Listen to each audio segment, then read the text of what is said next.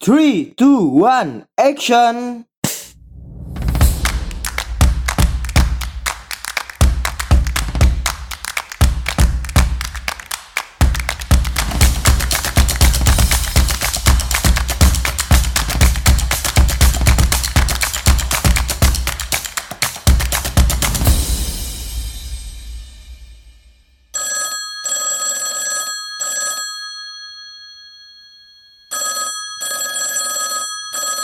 Halo, selamat datang kembali di Pod by MA, tentunya di program Anak Komunikasi.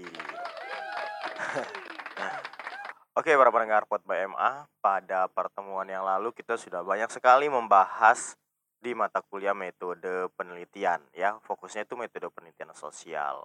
Dari pertama kali kita menjelaskan apa itu metode penelitian, kemudian masuk ke judul dan tema, Selanjutnya kita membahas tentang latar belakang, rumusan masalah, kemudian tujuan yang tujuan itu sebenarnya sih sinkron dengan rumusan masalah ya. Kemudian manfaat yang pada pertemuan yang lalu-lalu saya sudah menjelaskan bahwa manfaat itu hmm, kalau saya secara pribadi sih bagus ditaruh, tapi kalau misalkan tidak ada juga nggak masalah karena kadang-kala kalau kita mau penelitian itu ya untuk menyelesaikan skripsi misalkan ya ya manfaatnya ya ya untuk diri sendiri seperti itu. Tetapi ada kebanyakan dosen-dosen dan itu nggak nggak ada masalah juga gitu ya. Jadi menaruh atau mencantumkan manfaat penelitian.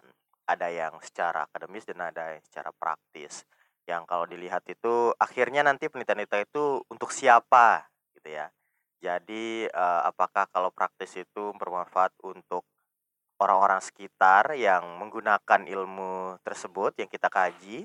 Kemudian kalau dari uh, akademis itu lebih ke ya tentang pengkajian keilmuan kita lah, misalkan background kita komunikasi ya untuk menambah hasana, menambah ilmu komunikasi seperti itu. Nah, pada pertemuan kali ini seperti pada pertemuan yang lalu saya sudah jelaskan ya, kita akan masuk ke kajian pustaka. Salah satu yang dalam kalau saya membimbing itu saya selalu menekankan kepada seluruh mahasiswa saya. Ini menjadi salah satu bagian yang cukup menarik, salah satu yang uh, penting juga. Ya walaupun semua juga penting ya, tetapi dalam kajian pustaka ini menjadi sebuah uh, acuan untuk semua hampir semua di pembahasan kita nanti masuk ke bab 3, masuk ke bab 4, bahkan di kesimpulan nanti kita banyak itu ngelihatnya dari kajian pustaka. Oke, langsung saja. Simpelnya kajian pustaka itu adalah banyak orang yang sebut ya, yaitu penelitian-penelitian terdahulu. Nah, tetapi jadi pertanyaan, penelitian terdahulu yang bagaimana itu ya yang bisa masuk ke dalam penelitian kita. Nah, yang pertama adalah yang perlu saya jelaskan bahwa dalam kajian pustaka itu kita harus menentukan kira-kira penelitian yang cocok menjadi penelitian terdahulu dimasukkan di dalam skripsi kita. Nah, sebelum menentukannya, kira-kira apa yang bagus dan riset yang bagaimana, riset yang apa yang akan kita masukkan ke dalam penelitian kita. Nah, kita perlu mengetahui dulu secara detail tujuan dihadirkannya kajian pustaka. Nah, kajian pustaka yang pertama itu satu sebagai uh, apa ya tadi sebagai rujukan untuk nanti teman-teman melihat metode, kemudian melihat cara analisis, bahkan melihat bagaimana nanti untuk merangkum sebuah hasil menjadi sebuah kesimpulan juga. Nah, ini sebenarnya kajian pustaka. Sehingga ya, kalau kita sudah mengetahui itu tujuannya kajian pustaka, kita baru melihat kira-kira penelitian yang bagaimana yang pantas untuk dimasukkan. Ya, nggak bisa semua penelitian sembarangan kayak gitu ya. Banyak yang mengira kalau kajian pustaka itu ngambilnya ya yang penting uh, judulnya sama gitu, tapi kaji, apa ya uh, lokasinya berbeda kayak gitu. Bukan hanya seperti itu maksud saya, karena ada banyak yang dilihat. Nah, yang pertama kalau saya itu adalah temanya sama, semangatnya sama. Contoh, misalkan kita meneliti tentang uh, penggunaan media sosial terhadap anak-anak di sekolah dasar ini misalkan seperti itu. Nah, itu bisa juga kita mengambil sebuah penelitian entah itu di Amerika, entah itu di Spanyol, entah itu di Singapura, entah itu di beda daerah dengan kita di Indonesia. Tetapi semangatnya sama, sama-sama meneliti media sosial. Ada banyak sekali media sosial. Kalau kita meneliti Facebook misalnya, orang yang kita ambil, yang kita kutip itu meneliti tentang Twitter, meneliti tentang Instagram. Nah, itu bisa diambil menjadi kajian pustaka. Yang kedua adalah dia itu sama judul bahkan tetapi lokasi, ruang dan waktunya itu berbeda. Ya, contoh seperti tadi saya katakan itu, ketika saya meneliti perilaku anak-anak menggunakan Facebook misalkan. Anaknya fokus ya, misalkan anak SD berapa kayak gitu. Nah, kita bisa melihat juga penelitian-penelitian terdahulu itu ya yang diambil misalkan ada di Jakarta. Itu boleh dia juga Facebook kontennya sama yang diteliti. Tapi dia di Jakarta kita di Sumbawa.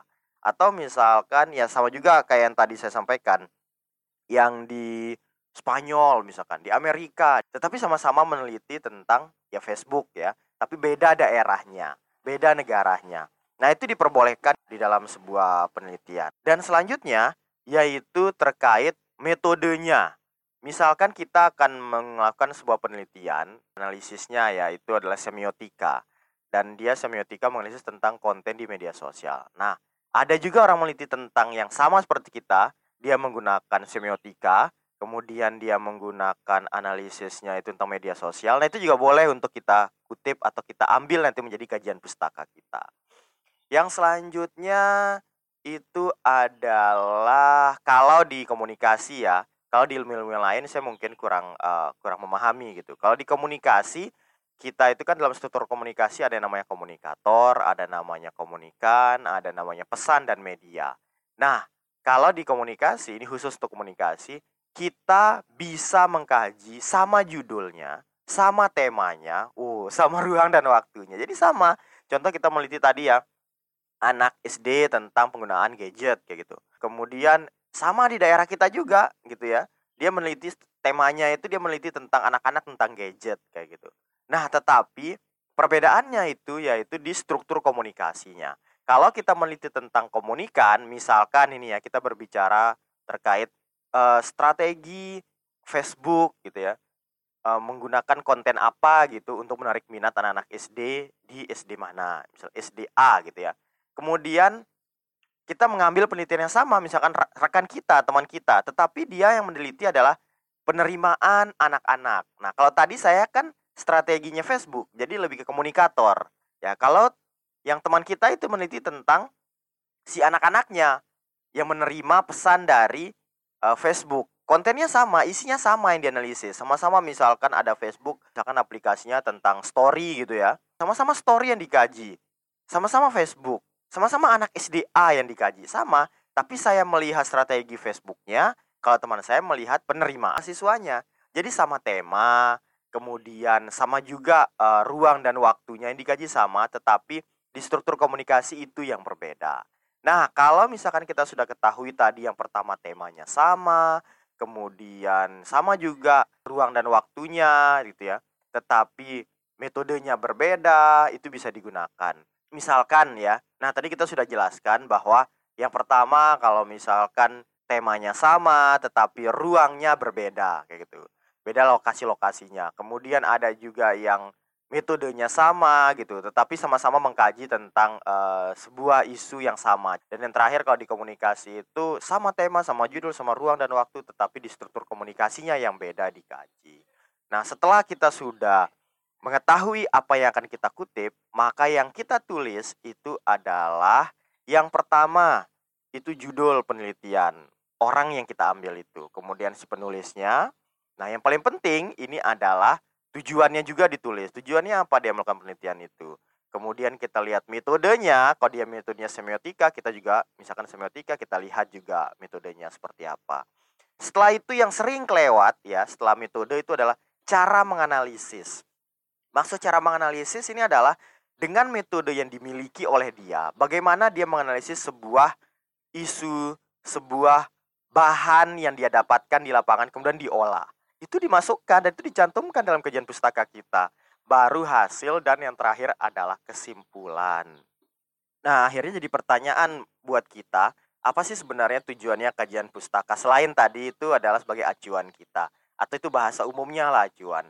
Nah, ketika kita sudah menaruh dari tujuan sampai hasil tersebut, maka nantinya kita itu baru akan mengetahui hasilnya ketika kita sudah menulis pembahasan, metode, dan nanti kita juga sudah menulis tentang uh, kesimpulan dan saran.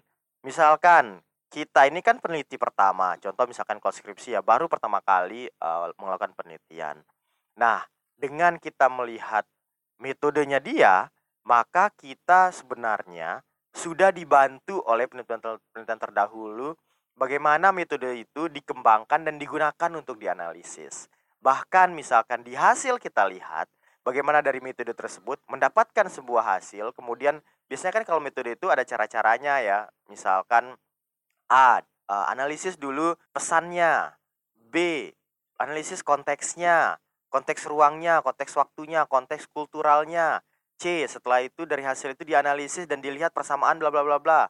Nah, itu kan kita perlu banyak membaca sebenarnya.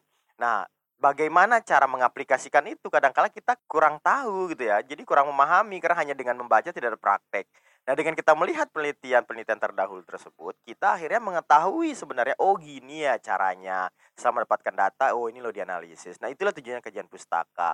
Termasuk juga pembahasan-pembahasan nanti di bab 3, di bab 4, bagaimana cara menulisnya itu juga kita bisa melihat penelitian-penelitian terdahulu. Maka kenapa saya kadangkala dengan mahasiswa saya di kajian pustaka itu selalu menekankan harus maksimal. Jadi minimal kalau saya ya kalau mau fokus yang tadi banyak banget ditulis itu itu bisa sampai satu setengah halaman sampai dua halaman untuk satu penelitian yang kita ambil.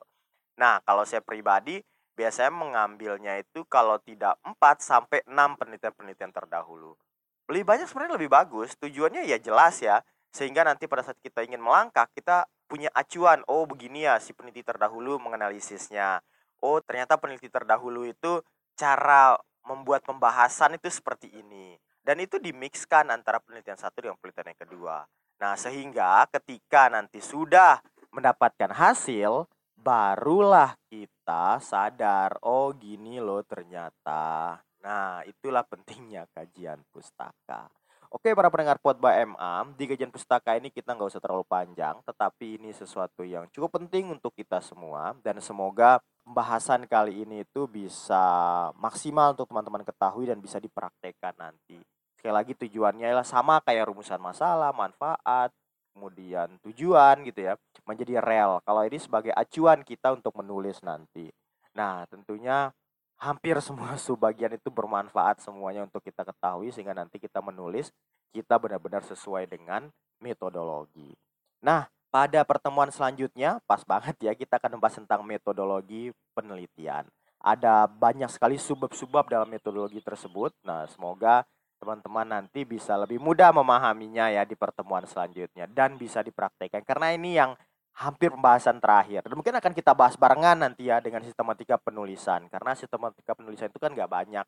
Hanya ya beberapa saja sih dijelaskan langsung mengerti. Oke para pendengar Potma MA, sampai ketemu lagi di pertemuan selanjutnya pembahasan tentang metodologi penelitian dan sistematika penulisan. Sampai ketemu lagi di pertemuan selanjutnya. Tentunya di Potma MA di program Anak Komunikasi. Yo.